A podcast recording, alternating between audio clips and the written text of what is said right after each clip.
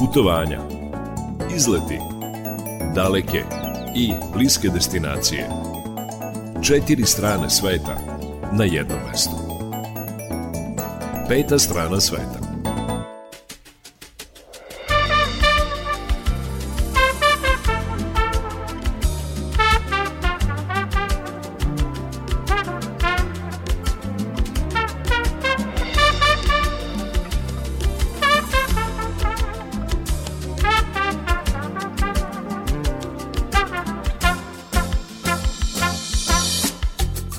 Dobar dan, poštovani slušalci, dobrodošli u još jedno izdanje turističkog magazina Peta strana sveta. Pred nama je dvosatna emisija sa različitim temama, predlozima, gde biste mogli da odete, šta biste mogli da vidite, pa ćemo tako predstaviti turističku ponudu opštine Topola, zatim turističku ponudu opštine Nova Varoš i tog zlatarskog kraja, ponudu Valjeva, kada je reč o destinacijama, fokusirat ćemo se na te tri opštine, A šta se nalazi u akvarijumu u Beogradu?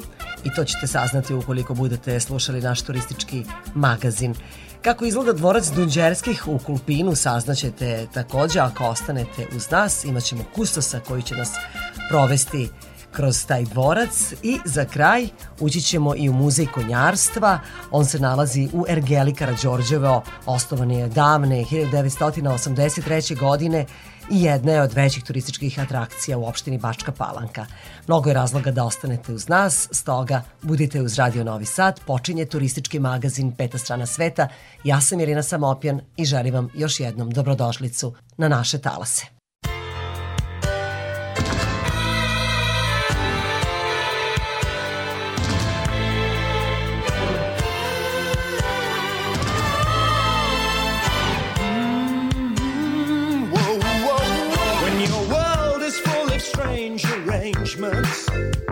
and grab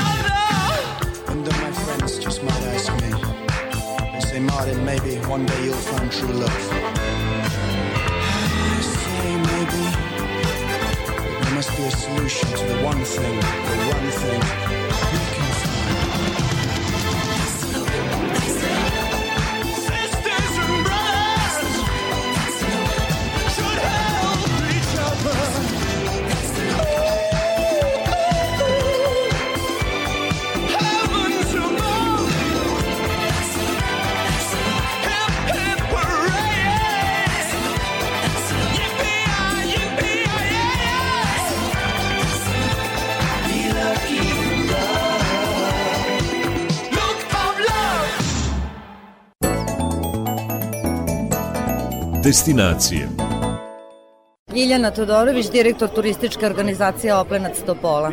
Topola je jedna od sedam opština centralne šumadijske regije, destinacija koja je na, na turističkoj mapi Srbije prisutna već decenijama, pre svega godinama unazad kao izletnička destinacija koja je svoje goste privlačila spomeničkim nasleđem, pričama o prošlosti, sadašnjosti, kraljevima, sadušpinarima, čuvenim oplenačkim vinima.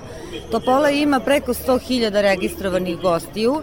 Kad to kažem, mislim pre svega na goste koji kupe muzejsku ulaznicu za obilazak lokaliteta i u tu cifru se ne računaju gosti na našim manifestacijama a naša najznačajnija manifestacija je oplenačka berba grožđa koja se tradicionalno održava drugog vikenda oktobra. Kada je reč o vašim vinima, Po čemu su ona sad čuvena, jel evo vi ste sad, došli ste u Vojvodinu da se predstavite, a znate da su i naša vina poznata, pa u čemu Ali, se razlikuje? Topola ima šest registrovanih vinarija i ona je lider praktično u tom vinskom putu Šumadije, jer šumadijski vinogradari su organizovani, ima ih e, u udruženju 14 i ono što nas razlikuje od, od vojvođanskih vina, da tako kažem, jeste taj e, buket i miris i ukusi koji se sa podnevlja povlače i ulaze u, u ta naša vina. Mi gajimo znači vina koja su pre svega mirisnih nota, voćnih nota, Sauvignon najviše. Vaša vina vuku notu iz peska, a ovde su drugačije podloge za, za uzgoj vina i vinskih sorti. Ono što naša vina razlikuje, odnosno oplinačka vina razlikuje od svih ostalih jeste ta tradicija u, u spravljanju čuvenih kraljevskih vina koja, koja su snabdevala i evropske dvorove pre drugog svetskog rata, jer je prva vinarija u našem kraju nastala još 30. godine kada je kralj Petar, kasnije i kralj Aleksandar napravio kraljevsku vinariju na Oplencu. Ljiljana, da li postoji neka vinska tura kod vas kada dođemo u vašu turističku organizaciju i da nam vi preporučite kako da obiđemo podrume Da li je tih 14 vinara zainteresovano da otvori vrata svojih podruma za degustaciju? Mi imamo manifestaciju koja se zove Festival šumadijskih vina. Ona je održana pre desetak dana u Topoli i svih 14 vinara se predstavljaju tom prilikom na Kraljevskoj vinariji u Topoli. Naravno, napravljena je, napravljen je taj mimo vinski, te manifestacije. Mimo te manifestacije napravljen je turistički proizvod šumadijski put vina i ono što mi sada pokušavamo jeste da sve te naše vinare povežemo i, i, i, i infrastrukturno povežemo, ne samo da ih lociramo kao, vin, kao de vinarije koje su otvorene, e, najsnažnije i vinarije koje su najviše ovaj, praktično okrenute gostu, odnosno turisti, tom vinskom turisti koji dolazi, jesu Kraljevska vinarija, vinarija Aleksandrović u selu Vinča kod Topole, zatim vinarija Arsenijević, velika vinarija Pik Oplenac u Topoli i vinarija Despotika. Ono što čemu mi težimo jeste naravno otvaranje i ostalih vinarija prema gostima, ali to podrazumeva osposobljavanje samih vinarija za prihvat gostiju, jer kad vinski turista dođe, on očekuje i treba da dobije pre svega vođenje kroz vinarije, zatim onda e, čoveka koji poznaje vina i koji će im uz odgovarajuću hranu naravno preporučiti vina za degustaciju. Kad reč o Oplencu, o muzejskoj toj postavci, da. veliki broj turista dolazi to da vidi. Šta mogu da vide oni koji nikada nisu bili? Kako da predstavimo tu postavku? E, pre svega Topola se predstavlja i nekako glavni povod za dolazak u Topolu je decenijama bio obilazak mauzoleja kraljevske porodice Karadžođević, gde su na jednom mestu, i to je zaista onako jedinstveno u čitavoj Srbiji, sahranjeni svi članovi kraljevske kuće Karadžođević. Preko 30 članova kraljevske kuće, od toga pet vladara i svih pet vladara su na jednom mestu. Pored svega toga, naravno sama arhitektura objekta na Oplencu je takva da ona pleni e, i arhitekturom i unutrašnjim uređenjem, a to je mozaičko unutrašnje uređenje gde je na 3500 kvadratnih metara pod mozaikom predstavljeno sve ono što je najlepše u freskoslikarstvu čitave srednjovekovne Srbije predstavljeno u Topoli na Oplincu u, mozaj, u mozaičkoj tehnici. Mozaik je originalni, muranski i rađen je u preko 15.000 nijansi boja. I to su sve podaci koji zaista svakog gosta ostave bez e, reči, ostave ga potpuno ne mogu čitavoj toj priči. I svi ti gosti se uvek ponovo i ponovo vraćaju jer ta priča ne može da se ispriča ni za 15, 20 minuta, ni pola sata, Znači, uvek imate neku novu informaciju da dobijete, da neki novi mozaik vidite, jer tu je preko 1500 likova na 725 kompozicija. To je, e, crkva na Oplencu je spomenik kulture od izuzetnog značaja za državu Srbiju, proglašen još 79. godine za takav. E, tu je naravno i Karadžorđev grad, sa muzejskom postavkom koja govori o vremenu prvog srpskog ustanka, o Karadžorđu, o ustanicima. E, Karadžorđev grad koji je obnovljen 65. godine i ta postavka naravno sada u ovom trenutku treba da pretrpi neke promene, da se prilagodi jednom savremenijem trendu predstavljanja. Taj deo istorije nacionalne treba da se približi jednom đaku koji će sutra biti turista u jednom drugom obliku, u jednom drugom vremenu taj đački turizam je posebno važan za nas zato što vi đaka negujete kao turistu koji će vam se uvek ponovo vraćati, naravno. Znači, ekskurzije su kod vas gotovo neprestano dolaze đaci. Da, uglavnom imamo taj eh, period aprila, maja, i onda naravno ponovo septembar i oktobar. A, ono što nam je e, preko leta e, najvažnije jesu te, te pojedinačne posete stranih gostiju i naravno organizovane ture tih e, vinskih turista koji su u, u sve većem broju prisutni u Topoli jer to je nešto što se kao turistički proizvod neguje u Topoli. Pored spomeničkog nasleđa, vinskog turizma, Topola neguje i, i seoski turizam i u ovom trenutku imamo 10 registrovanih seoskih turističkih domaćinstava. Izuzetno važna, važan turistički proizvod jer e, mlade na taj način zadržavamo na selu da zarade u svom domaćinstvu i da pored svega toga e, ostanu tu i da tu E, zasnuju i porodicu. Biljana, ja sam imala prilike da vidim na delu seoski turizam ovde u Vojvodini i da vidim šta to e, ljudi koji su ostali na selu i koji su odlučili da se bave tom privrednom granom koja je još u razvitku yes. kod nas. Oni koji dođu kod njih mogu da probaju domaće proizvode njihove i kad reč o pićima i hrani, mogu da vide domaće životinje, da vide kako se hrane životinje i to je sve zanimljivo ljudima iz gradova.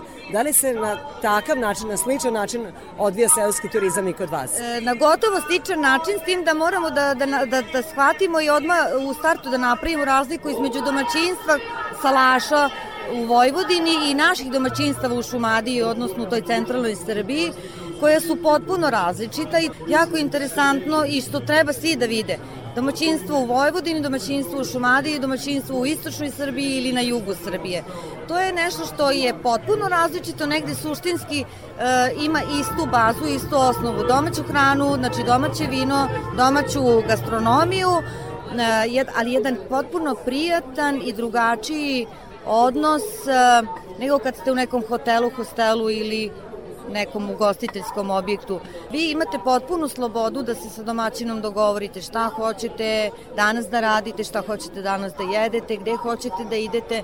Naši su domaćini otprilike prošli te neke edukacije i povezali smo se zajednički praktično radimo sa svim tim gostima sve ono što oni u našim selima ne mogu da im pruže, a ne mogu da im pruže obilazak svega ovoga što sam sada nabrojala, oni dolaze kod nas, onda i mi organizujemo obilaske, turističke ture kakve oni žele. Naravno, oni pored svega toga mogu da prave slatke i slane zimnice u domaćinstvu. Da, mogu da nauče kako se kako to radi. Kako se to pravi, kako se napravi džem od e, šljiva, na primer, ili kompot, svejedno, ajvar ili krastavčići, kako se ostavljaju. Mogu naravno e, da beru i, i, i domaće Začinsko bilje, bilje, domaće bilje koje se neguje ili koje se koje raste u našim šumadijskim šumama. Tako da kažem, potencijala je puno, ali to je grana koja je tek u razvoju i moramo mnogo snaga uložiti u edukaciju domaćine. To je ono što prosto moraju da prođu, moraju da savladaju i, i, i tehnike, savremene komunikacije, da ne idu uvek preko nas ili, ili zakazivanje poseta gostiju, da, ne, da prosto to ne mora ići preko nas, nego da imaju svoj sajt, svoj domen, svoju Facebook stranicu. Ja se zahvaljujem na razgovoru Ljiljani Todorović, koja je direktorka turističke organizacije Oplenac Topola. Hvala vam. Peta strana sveta.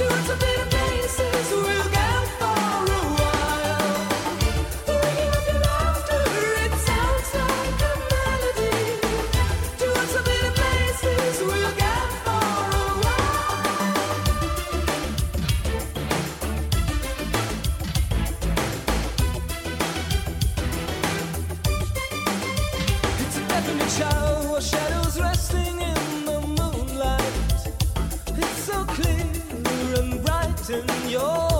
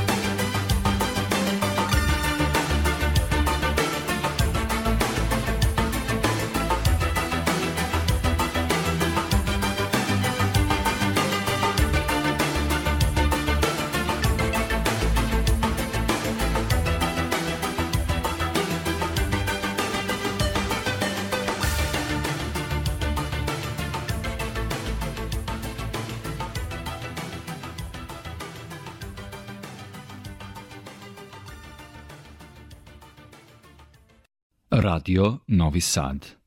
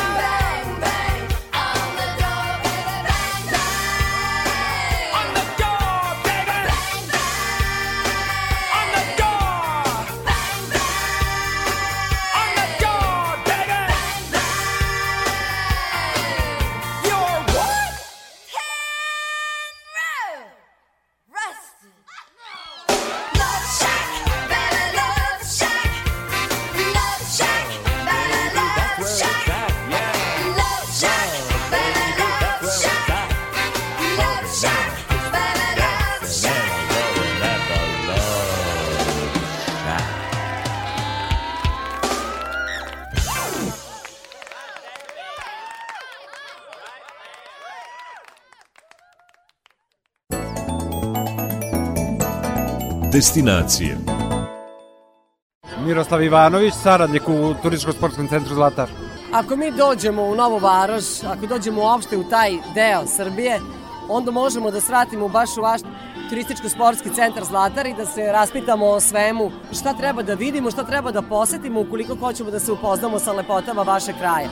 U blizini Nove Varoši je manastir Mileševa, kanjon Uvca, Beloglavi supovi, jedno od redkih očuvanih staništa u Evropi.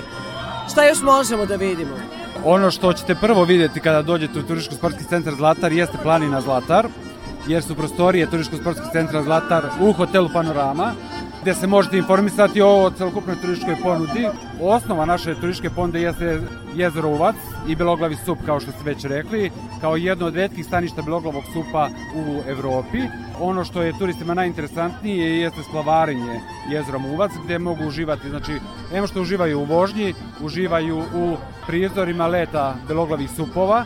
Zatim... Koliko traje to krstarenje, s obzirom to da Uvac ima te meandre i imate e, jednu od e, najkraćih opcija kada samo splavarite kroz jezero.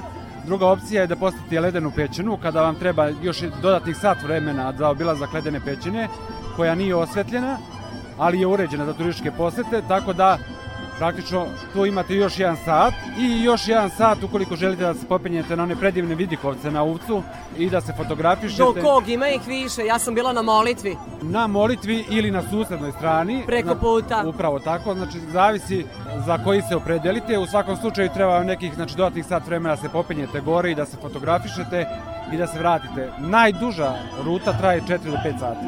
A vi ste sada rekli da se popnemo gore. Dakle, postoji ta opcija da se mi penjemo kao planinari, to bi bio kao neki aktivni odmor Upravo u prirodi. Upravo tako, izlazite iz brodića i penjete se nekih 500 metara naviše do Vidikovca, odakle se pruža neverovatan pogled na meandre i gde upravo znači ljudi beleže onaj jedinstveni prizor Onu sliku koja nas predstavlja u svetu tako, kao zemlju. Na svim međunarodnim sajmovima nas predstavlja ta slika. To sam vas pitala zbog toga što sam ja došla iz pravca Sjenice do molitve i onda smo mi mogli smo peške doći Bez ravnim putem, mislim ne mogu ni to da kažem da je ravni i to je jedan krivudavi nezgodan put, ali svakako je ovo za planinare, one koji su hrabri, ima više smelosti, snage, veštine. Upravo tako, znači to je u suštini za uh, sve posetioce, znači bez obzira na fizičku spremnost, znači mogu da se popenju do Vidikovca, da se fotografišu, uživaju u pogledu i da se vrate na brod i onda se odatle vraćaju na branu Uvačkog jezera. Znači to je najpravac obilaska iz Nove Varoši. I postoji druga varijanta obilaska uh, Uvačkog jezera iz Sjenice, to je ono što ste pomenuli, kada praktično idete sa suprotne strane jezera i gdje se lakšim putem penjete do Vidikovca molitve. Sve je popularnije to da odlazimo u različite krajeve sveta, a eto i turisti dolaze kod nas i vole da uživaju lepotama prirode. Vi ste pomenuli ledenu pećinu koju možemo da vidimo kada smo u kanjonu Uvca i kada krstarimo Uvcem, ali u njoj nema leda, to sam čula. Zašto se zove ledena i kako ona izgleda? Ledena pećina je zbog konstantno niske temperature, od nekih 9 stepeni, uređena je za posetu, ali nema osvetljenje. Da se ne bi remetila mikroklima unutar pećine, vi praktično dobijate svu opremu za obilazak Ali pećine. šta, dobijamo baklje? Dobijate baterije koje, znači Ne, znači nisu baklje, već nisu. baterije. Dobijate baterije uh, i uz pomoć rangera i specijalnog rezervata obilazite pećinu nekih 500 metara do, unutrašnjost i vraćate se natrag. Kada je reč o kulturno-istorijskim spomenicima u tom zlatarskom kraju, šta treba videti? Ono što sigurno treba videti jeste manastir Dubnica, nedaleko od uh, brane uh, Uvačkog jezera, zatim Vodenu poljanu sa manastirom uh, Kozmi i Damjana. Znači, nakon prolaska Zlatara, nekih deseta kilometra prema Sjenici, se nalazi ovaj lepi manastir, e, naravno crkvu u Novoj Varoši, džamiju u Novoj Varoši i Kajma Kamiju, jedan specifičan objekat orijentalne arhitekture u centru Nove Varoši koji je kada uđete u Novu Varoš kao da se nalazite negde na orijentu. Za ovaj objekat malo ljudi zna, ali je znači objekat zaštićen kao spomenik kulture i verujte mi znači da nećete verovati da ste e, na tlu Srbije kad se budete na primjer slikali ispred njega i to. Ima li turista, da li više stranih ili domaćih, jesmo li mi zainteresovani da vidimo lepote naše zemlje ili su pak stranci znati ženi? E, Znate kako, što se Zlatara tiče, 90% turista su domaći turisti. zato što je Zlatar... To je možda i zbog vaučera sad koji... I zbog vaučera i zato što je Zlatar e, planina koja je orijentisana na sportsko-rekreativni turizam.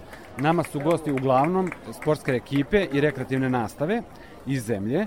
E, Naravno, pošto smo na putu ka Crnoj Gori, imamo dosta turista iz Crne Gore, iz Bosne i Hercegovine, ali u poslednje vreme, kao i u celoj Srbiji, pojavljuju se pomalo turisti iz Rusije, Kine, malo udaljenih destinacija, Nemačke i tako dalje, znači to su još uvek pojedinačni putnici, ali... Tek treba da budemo otkriveni se kao destinacija. Upravo da, će, da ćemo postati destinacija prepoznata malo bolje od njihove strane. Želim mnogo turista da pokažete što bolje naš kraj, našu Srbiju, eto taj zlatarski kraj, vi ste za to zaduženi. Hvala i nadam se da vas vidimo dole. Za Radio Novi Sad eh, govorio je Miroslav Ivanović, predstavnik turističko-sportskog centra Zlatar. Peta strana sveta.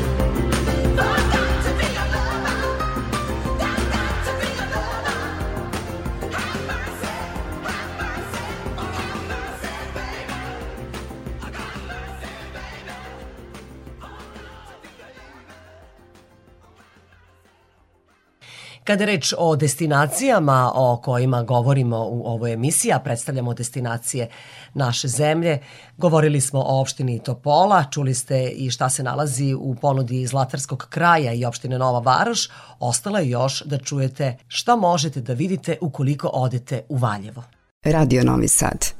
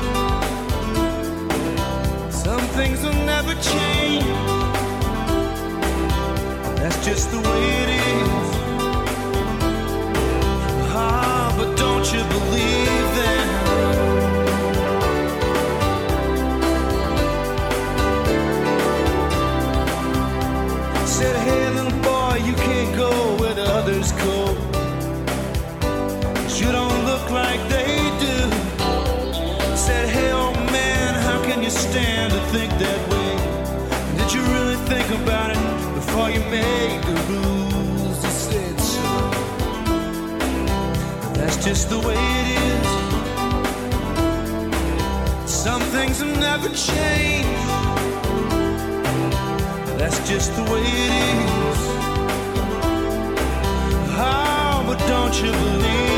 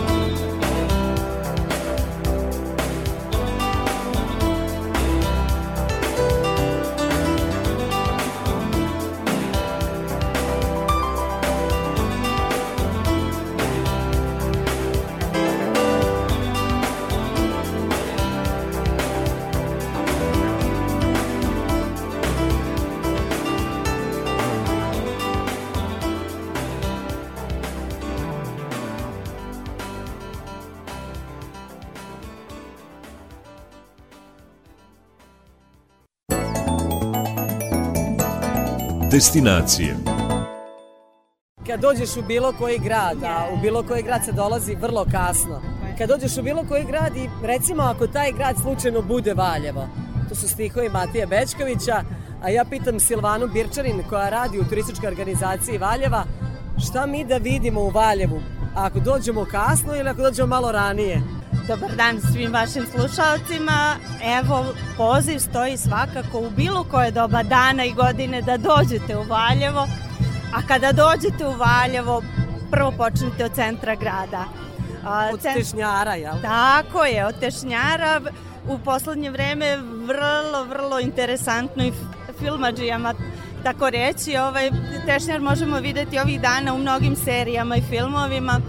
Pored eh, starog gradskog jezgra Tešnjar, na drugoj strani reke Kolubare je... Opišite nam Silvana kako izgleda Tešnjar. Znam, to su uske ulice, niske kuće, ulice se zovu po Karađorđu, po kojim sve a, poznatim istorijskim ličnostima. Tako je. Tešnjar nije slučajno nazvan Tešnjar. Ovo je jedna od najstarijih gradskih celina još iz turskog vremena. Vrlo očuvana i vrlo reprezentativna. Naravno, u samom centru grada dobija zna, na značaju još više. O, osim Tešnjara, Valjevo ne, nudi i, i novi deo grada u kome je centralno mesto zauzeo Narodni muzej sa svojim postavkama koji su više puta nagrađivane.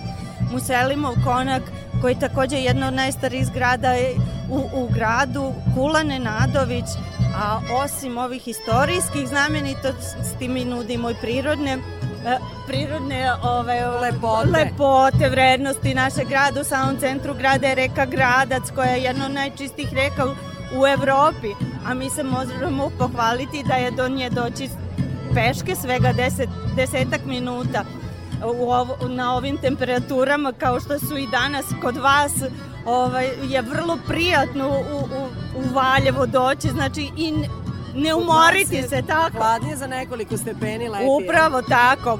A, Sam, sama reka e, prolazi kroz e, centar grada, ali može da ponudi mnogo više du, duž celog toka, Ove, a vrlo blizu je i manastir Ćelije. Pored manastira Ćelije možete videti i etno domaćinstva, konjički klub, klub Harmonija. E, Osim centra grada. Možemo da jašemo konje u konjičkom klubu, da li Tako je, postoji možda naravno. fijakerima, što imate, kakav je program za turiste? Naravno, pored znači te neke pešačke ture koje uvek možemo da ponudimo, tu, tu su i, i mogućnosti za aktivan odmor. Reka Gradac, e, ovaj, o reci Gradac se e, brine ekološko društvo koje može ponuditi sadržaj aktivnog odmora, a mi smo tu da, da usmerimo naše goste da, ka, da, da im ispunimo sve želje. Osim samog centra grada, Valjevo nudi i mnoge prirodne vrednosti i lepote u okolini. Na svega 5 km je Petnica koja pored na daleko čuvene istraživačke stanice uskoro će moći da se obiđi Petnička pećina, sportsko-rekreativni centar koji je znači ne može možda peške, može i peške, ali biciklom je na, neki 15 minuta od grada. Uh, pored sportsko-rekreativnog centra, tu je jezero Pocibrava, Petnička crkva, znači Petničku pećinu smo već rekli, malo dalje je Divčibare, na drugoj strani su manastiri u okolini Valjeva, pored pomenutog već manastira Ćelije, tu je manastir Lelić, Pustinja, Jovanja, A, pored tog verskog turizma mi nudimo svakako i Brankovinu kao istorijsku celinu, kulturno-istorijsku celinu, mesto gde je najveći deo života provela Desanka Maksimović, gde su koreni porodice Nenadović, prote Mateje Nenadović i ostalih članova porodice. Znači, Valjevo nudi ne, sadržaj koji može da, da zadovolji i turistu koji se odluči na jedan dan, ali svakako i na više dana u, Valjevu može. Silvana, baš toga sam htela da se dotaknem. Sada je sve popularniji city break turizam, što znači turisti dolaze, da li u vaš grad, ali ovde u Novi Sad, i Naravno. onda se zad- zadrže tri dana, četiri maksimalno. I, na primer, evo sada za kraj razgovora, dajte nam jedan program za ta tri dana, šta možemo da vidimo, jedan dan da obiđemo jednu celinu, drugi dan drugog, kako vi savjetujete oni koji dolaze kod vas u turističku organizaciju Valjevo? Znači prvi dan, zavisno od, od želja a, turista, mi svakako možemo ponuditi obilazak grada. A, pored toga, a, jedan dan svakako treba opredeliti za Divčibare, usput svratiti u, u Petnicu. A, treći dan bi već mogao biti taj istorijski moment našeg grada i obići Brankovinu, okolinu grada koja nudi te istorijske sadržaje, tako da ne samo za tri dana, mi nudimo program i za više dana, naravno. Samo mi treba svi da imamo malo Tako. više godišnjeg odmora. Dakle. Recimo da je to jed, jedan od uslova. Ili više puta doći.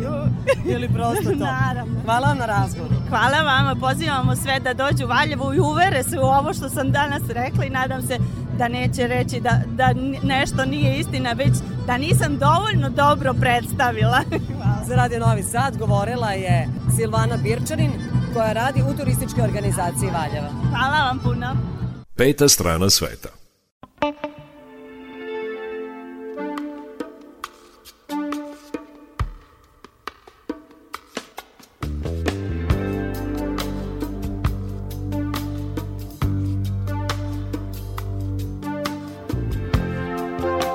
The party's over. I'm so tired. Then I see you coming out of nowhere. Much communication in emotion without conversation or a notion.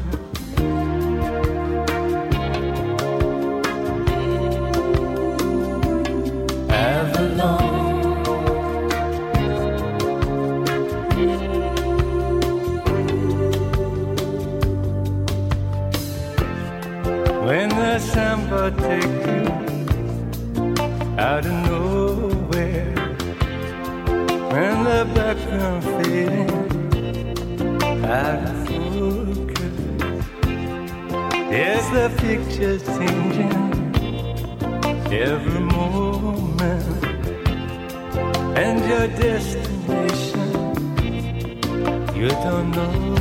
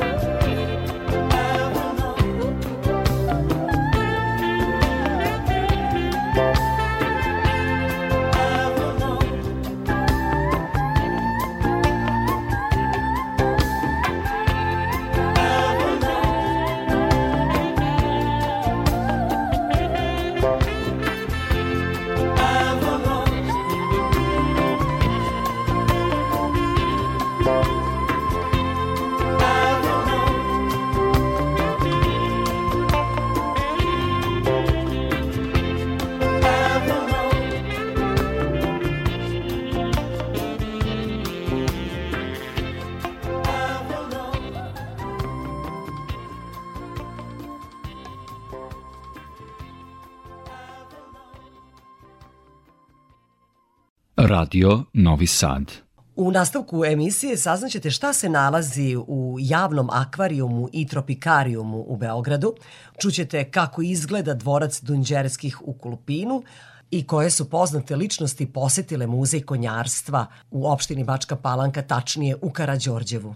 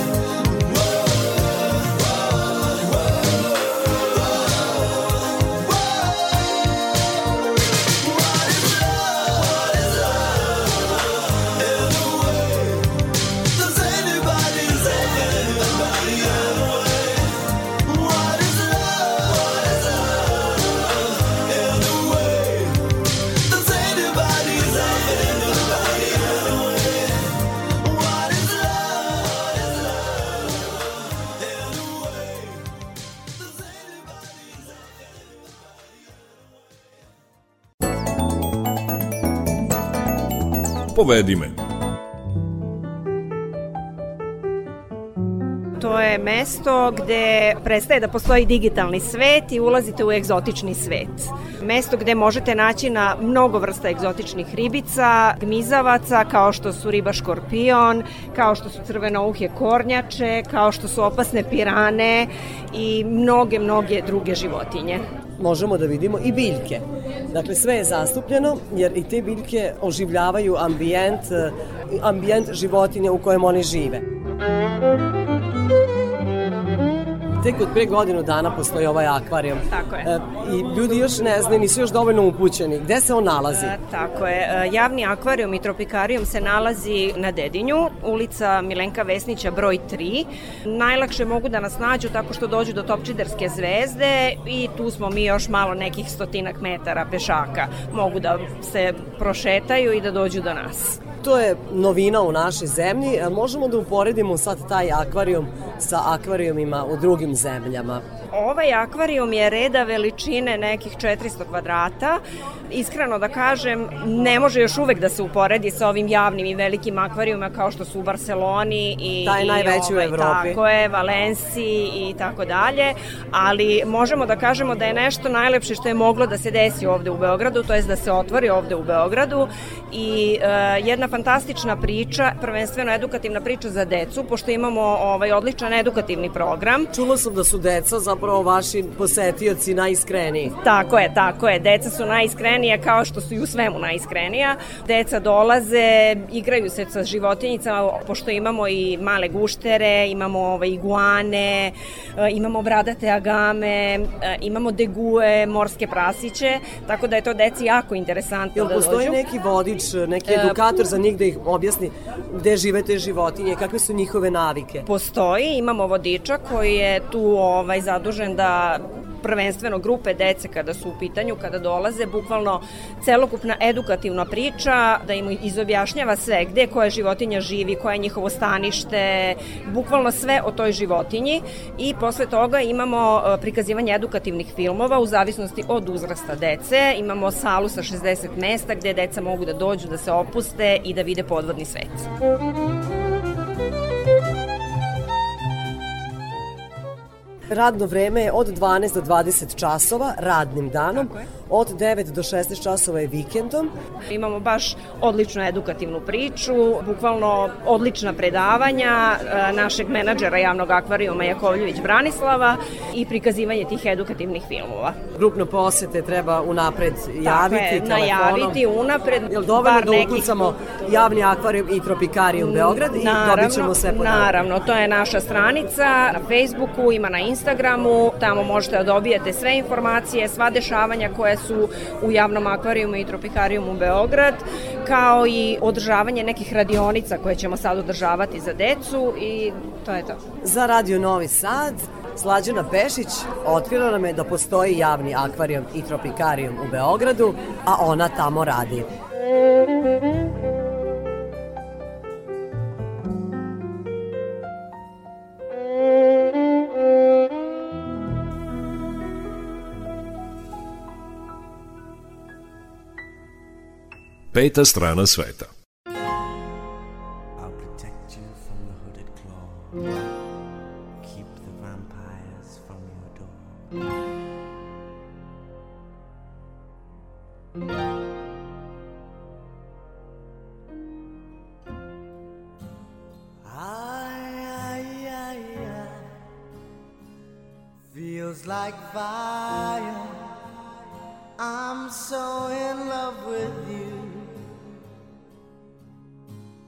Dreams are like angels, they keep bad at bay, bad at bay.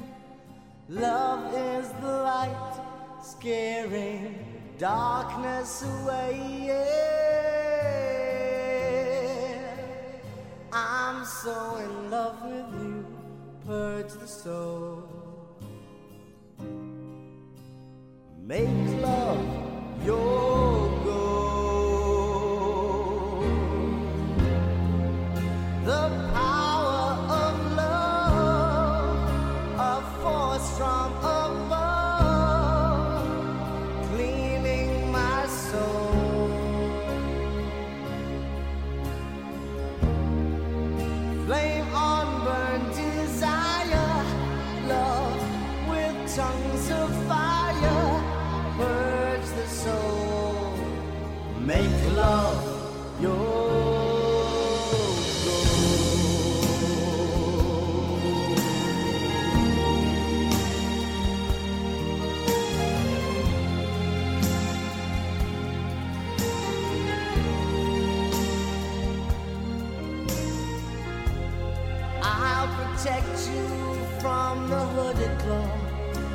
the vampires from your door.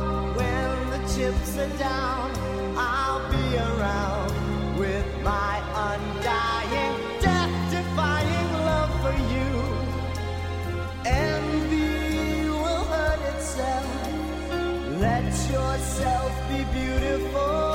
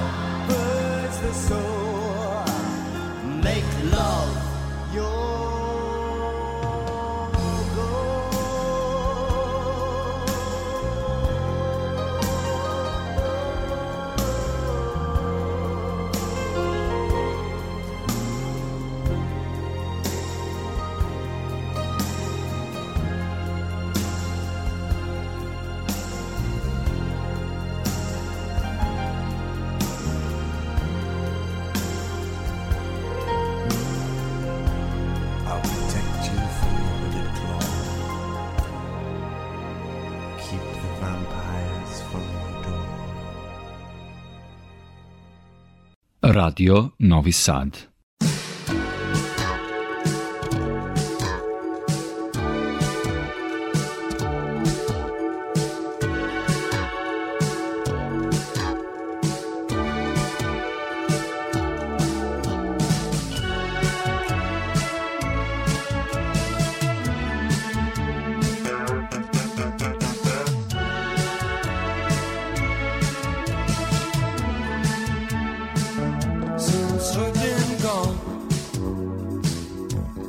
shut my eyes and I fantasize that you're here with me. Will you ever return? I won't be satisfied till you're by my side. Don't wait anymore.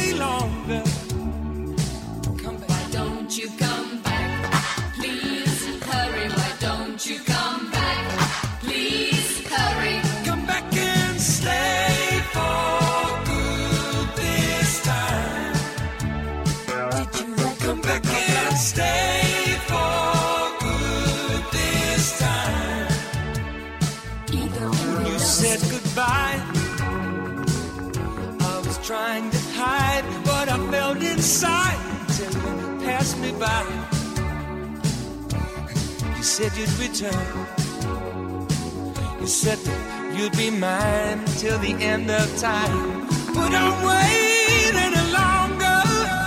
Why don't you come back? Please hurry, why don't you come back? Please hurry.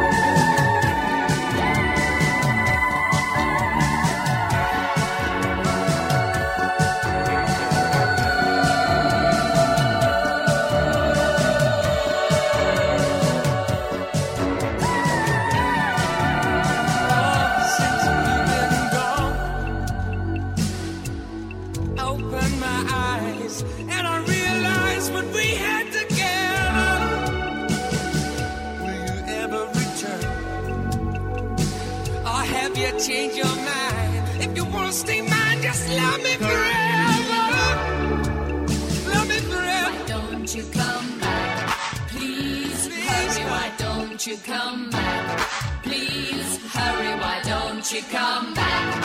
Please hurry, why don't you come back? Please hurry.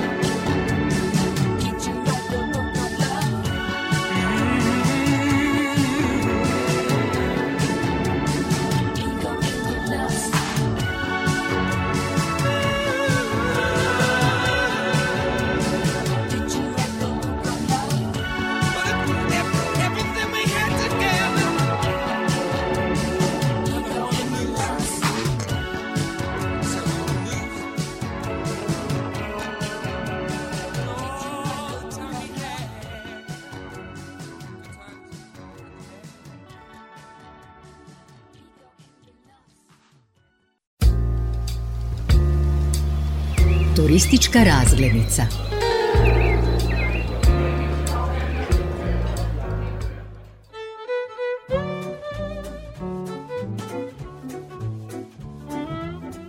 Filip Forkapić je kustos u dvorcu Dunđerskih u Kulpinu, zaposleni u Muzeju Vojvodine. Porodica Dunđerskih, koliko su oni dvoraca imali u svom posedu? Porodica Dunđerski imala je dvorac ovde kod nas u Kupinu, koji je bio u vlasništvu Đorđe ili Đoke. Zatim imali su dvorac u Čelarevu, koji je pripadao dr. Gedeonu. Zatim imali su dvorac u Hajdučici, to je pripadao Olgi.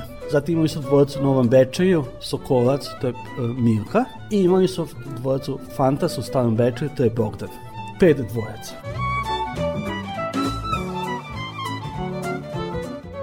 Dvorac u kojem se sada nalazimo, dvorac Dunđerskih u Kulpinu, je zapravo nekada pripadao porodici Stratimirović i on datira iz sredine 18. veka. To je Marija Terezija Stratimiroviću poklonila za njegove zasluge u ratu protiv Turaka, a borio se na strani Austrije. A potom je to Dunđerski, Lazar Dunđerski Jeste. otkupio od Stratimirovića. S tim što između porodice Stratimirović i porodice Duđeski bio jedan mađarski premić Semze. Koji Jedno kratko vreme je od on- 1868. godine kada je kupio od Stratimirovića pa do 1889. kada je Lazar Duđeski od njega kupio za svog sina Đorđe.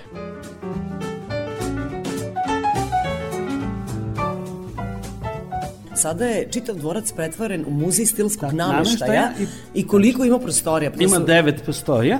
Nameštaj što ovde je izložen kod nas u Kupinu, on se nalazi u dvorcu Čolarevu.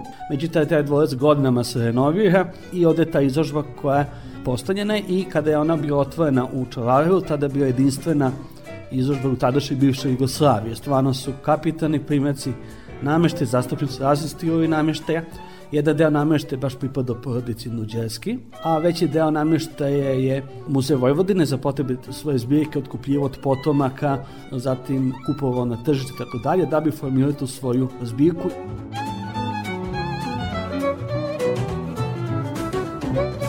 Imamo, dakle, polazimo od baroknog stila nameštaja, koji je najstariji, pa zatim Biedermeier, zatim Neo Biedermeier, zatim u centralnoj sali kooperuje 15. pa zatim imamo drugi rokoko, prva faza i kasna faza drugog rokokoa, zatim imamo drugi ampir. Dakle, to su stilovi koji su zastupni, oni koji su predstavljeni na izložbi.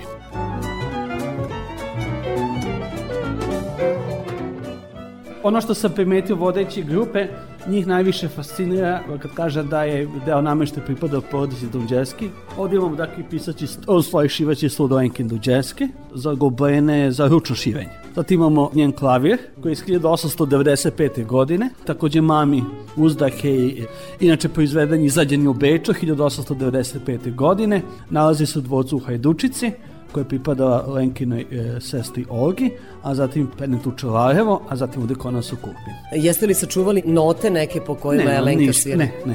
Od Lenke smo sačuvali deo njene biblioteke, deo ne- njenih knjiga. Knjige su na raz jezicima, recimo na francuskom, na latinskom, na mađarskom.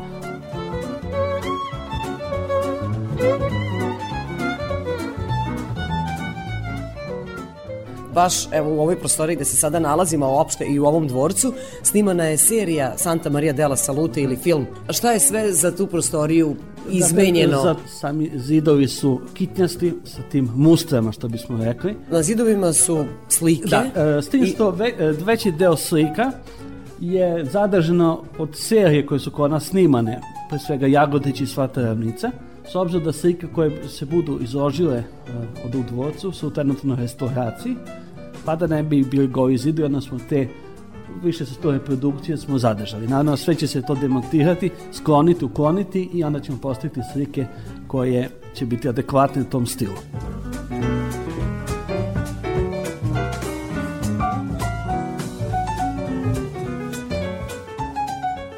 Karakteristično za ovaj dvorac je da je 1912. godine on restauriran, kada je poprimio današnji izgled. Postavljen je parket, pripada versarskom tipu parketa i uveden ganje topao vazduh. To će vidjeti posjetiti kada dođe dakle, na zidu rešetke, odnosno sutreno postoje dve peći i putem kanala koji su zidovima, dakle topao vazduh pošto Centralno je grejanje. Dak- dakle, to je uvedeno 1912. godine. Uvijek se postavlja pitanje koliko mi negujemo i čuvamo ova kulturno-istorijska naša dobra koje su turističke atrakcije na zapadu mnogo više nego u našoj zemlji. Ovaj dvorac u Kulpinu je i dobro očuvan s obzirom na to kako su očuvani drugi dvorci. Naravno, uvek može bolje. Ono što je kod nas problem e, i što nas koči, to je još nerešeni status, s obzirom da je dvorac u postupku restitucije povraća imovine, tako da dok se to ne reši, ne mogu se nikakve zahvati u, u smislu krpljenja i tako dalje raditi, to nas još sad ograničava i ono što daje, a to je daje malo ovako e, ružnu sliku ili opar komentar kod posetilaca zašto niste ovo radili, zašto niste ovo. Tako da uvijek objašnjavamo zbog čega je to, ali ono s druge strane kad se uđe unutra u izložbenim prostorima stvarno ne možemo da se obrukamo. Stvarno su Da, stvarno izložbe izgleda uređene, da. Rekli smo da se u inostranstvu ovakva kulturno-istorijska dobra više nego i da su tamo to baš prave turističke atrakcije. Šta kažu stranci kada dođu u Pa ovaj dvorac? možemo slobodno reći da i stranci kada uđe unutra isto su oduševljeni. Prosto možemo i da osetimo na njih uzdah kad se uđe unutra i kad odključamo i kad uđe unutra au i ta, ah i tako Da, dalje. Tako wow. da, wow, mi imamo e, iz raznih zemalja, ne samo evropski, nego čak i kažemo egzotični država, poput recimo iz Japana, iz dalekog istoka i tako dalje.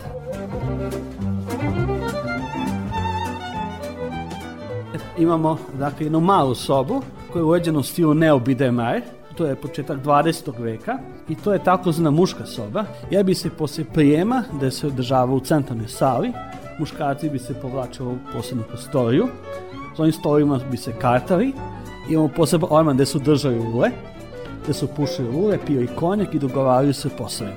S druge strane, pandam je takozvana ženska soba, gde su mlade i tako dalje sedale i čekale, i, a u centralnoj sali vrši se balovi, prijemi, svečanosti i sama salon urađen stilu kopije Luja 15.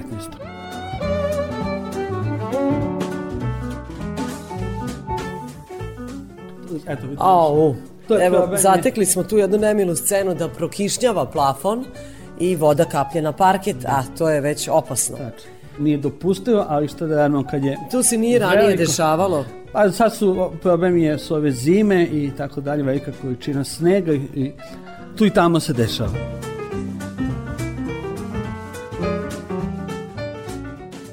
Tu je deo spavajući soba do Lenke Duđeski.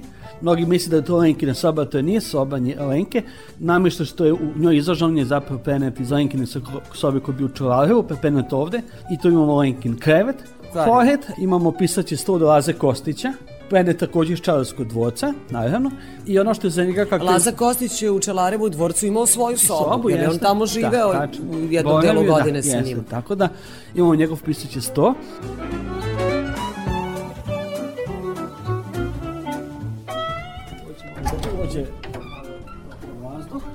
Na ovoj terasi se uživalo, pijuckala kafa, čaj, Đorđe Dunđerski i njegovi gosti imali su prelep pogled na jedan arboretum, zapravo to je, ajde da tako kažem, jedna mala šuma. Preko 50 razni biljnih vrsta, preko puta terase, to je tisovina, drvo života, drvo ljubavi. Peneta je iz Argentine, stara je preko 100 godina.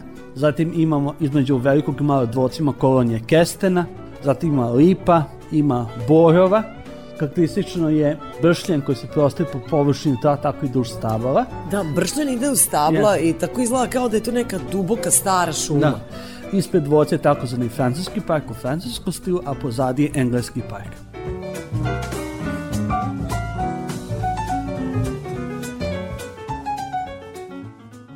Inače, sam dvorac je i ovako magnet, tako da mi imamo i fotografisanje mladenaca. Također imamo i e, I tu je isto venčanja. turistički, jel to naplaćujete? E, Ne, ne. Imamo e, venčanja. Bez Narodnog da i veselja, samo e, matiče. Nekoliko parova je svoje da, rekao ispred tog drveta. Tako da oni kažu Ispod da, te tisovine? da, ti- zatim na balkonu, na tremu, zatim u centralnoj sali, tu su rekli svoje da, ili su se pak fotografisali.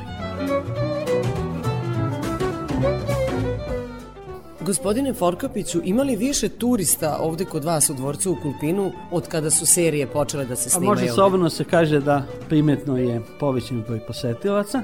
Najveći procent su školske ekskurzije. Također imamo grupe, recimo par agencija s u njihovim interijerima, koji uglavnom e, imaju taj e, program Dvorci Vojvodine. Zatim imamo individualne grupe, individualne posetioce. Također imamo slučajeva da ljudi dođu u grupi i onda posle dođu individualno jer e, kad ste u grupi onda jednostavno grupa vas vodi i onda ne možete detaljnije da se koncentrišete i da obratite pažnju, tako da onda ljudi dođu posle sami da na tenane i polako pogledaju. Ja vam se zahvaljujem na razgovoru. Moj sagovornik bio je Filip Forkapić. On je za slušalac Radio Novog Sada pokazao dvorac Dunđerskih u Kulpinu.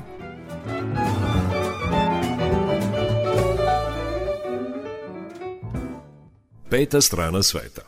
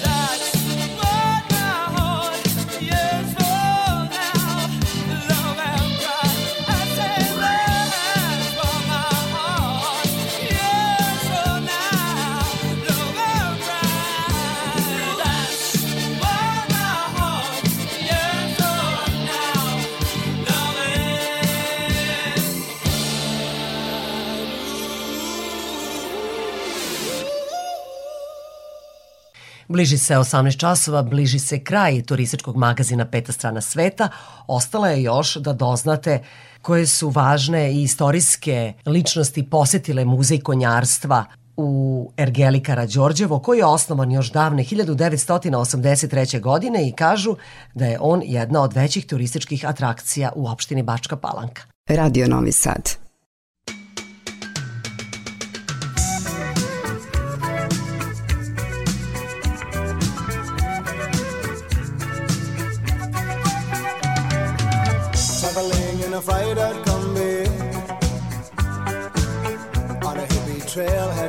Of I met a strange lady, she made me nervous. She took me in and gave me breakfast. And she said, do you come from a land down under? Where women go and men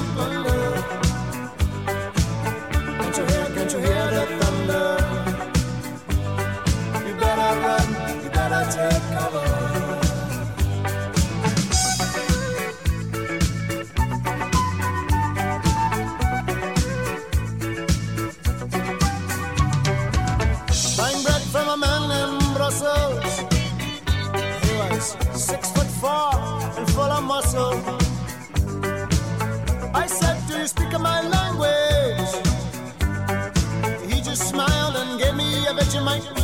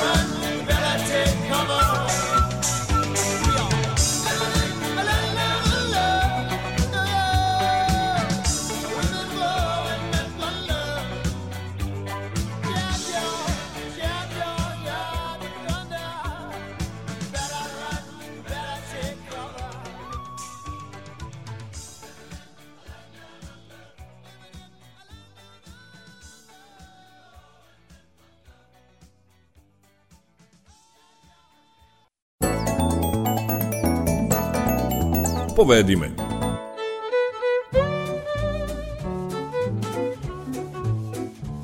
Ušli smo u muzej, čuveni muzej konjarstva i sad tu postoji još čuvenija knjiga utisaka gde su se potpisali drug Tito i drugarica Jovanka.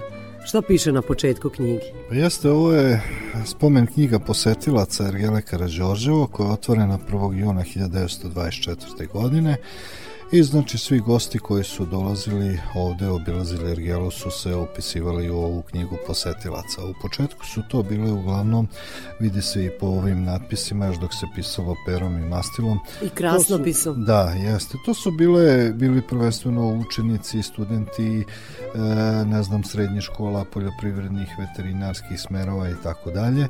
Zatim tu su bili, da kažem, rukovodioci lokalnih organizacija od opštine Bačka Palanka, Banovi, Dunavske Banovine i ostalih, kako je to nekad bilo podeljeno na ovim područjima.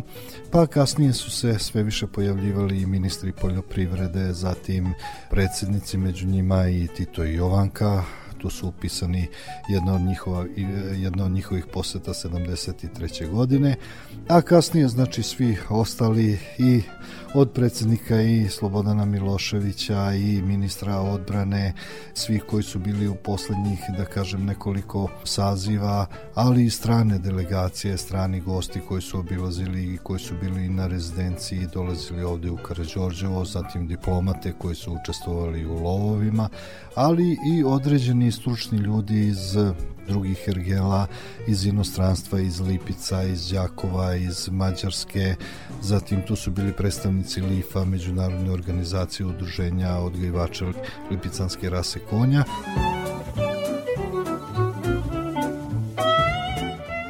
Možemo sad da vidimo tu stranicu gde su se upisali u knjigu Josip Broz Tito i Jovanka? Vi znate na kojoj je to stranici?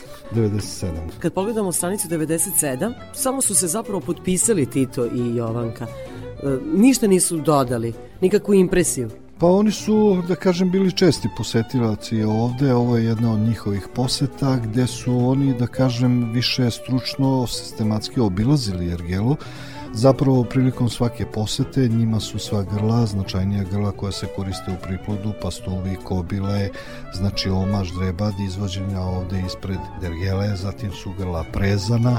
On je pokazivao veliko interesovanje i za, da kažem, rezultate selekcije, uzgoja, e, statusa ergele, probleme koje ih ima ergela i tako dalje.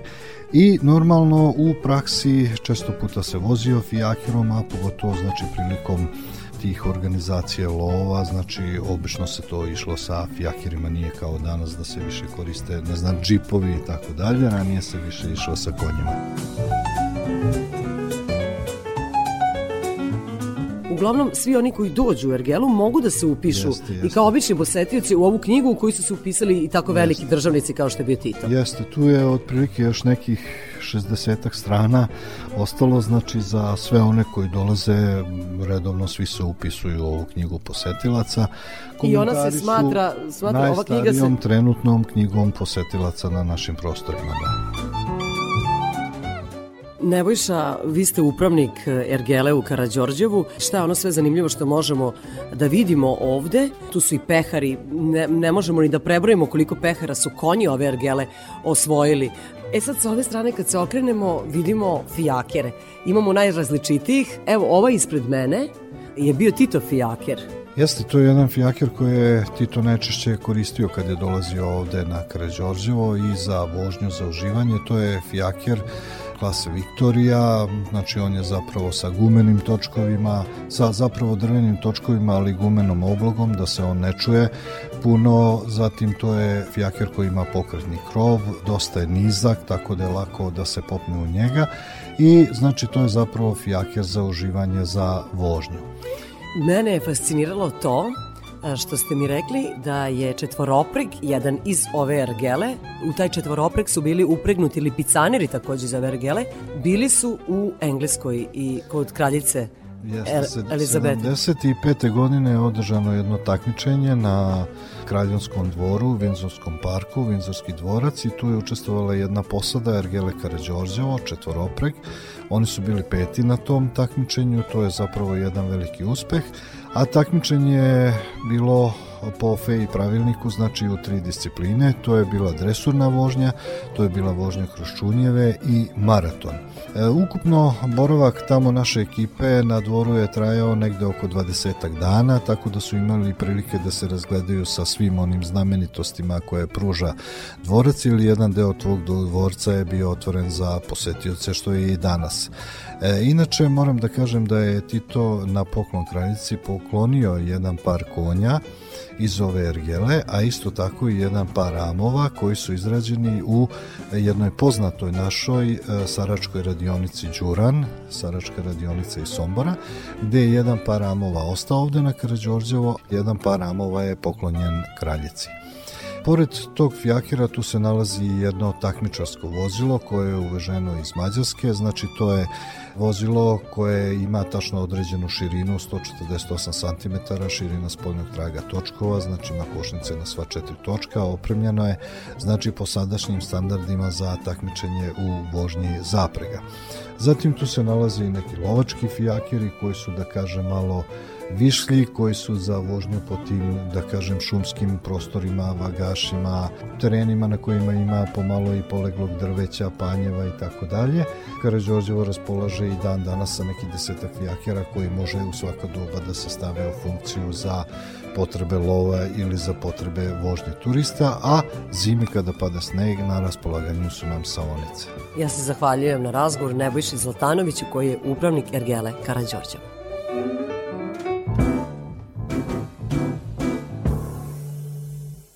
Peta strana sveta.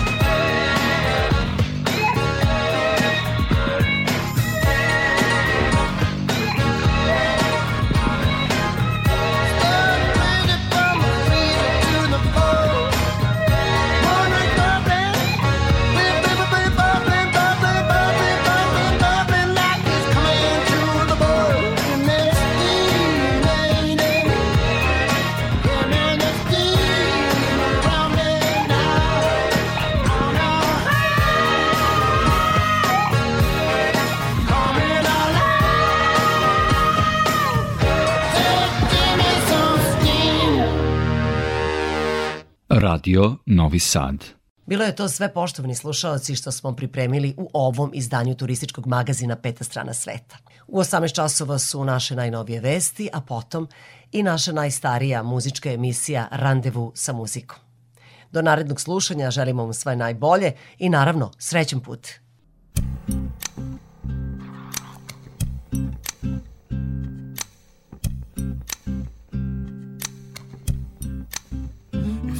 Turned cold and the stars looked down, and you'd hug yourself on the cold, cold ground, you wake the morning in a stranger's coat, but no one would you see.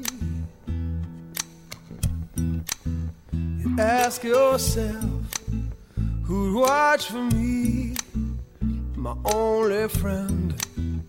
Who could it be? It's hard to say it. I hate to say it, but it's probably me.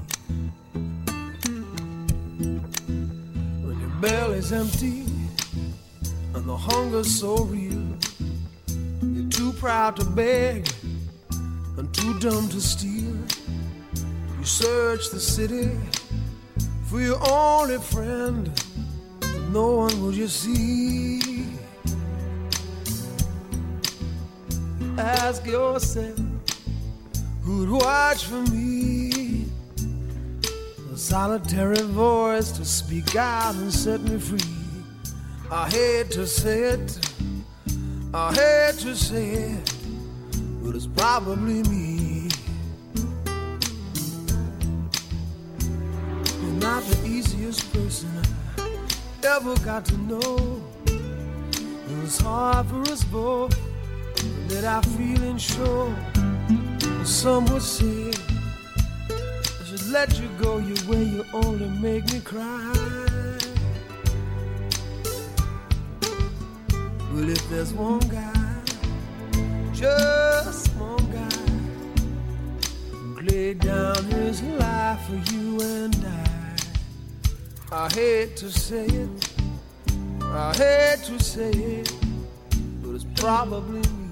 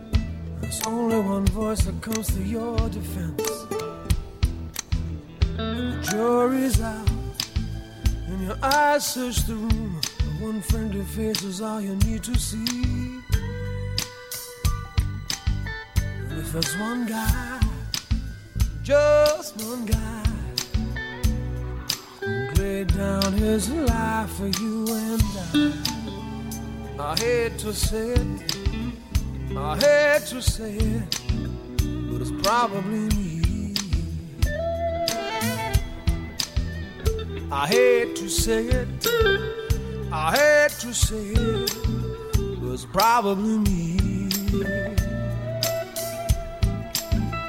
I hate to say it, I hate to say it, but it's probably me. I hate to say it, I hate to say it, but it's probably me. I hate to say it, I hate to say it, but it's probably me. I hate to say it, I hate to say it, it's probably me. I hate to say it. I hate to say it. It's probably me. I hate to say it.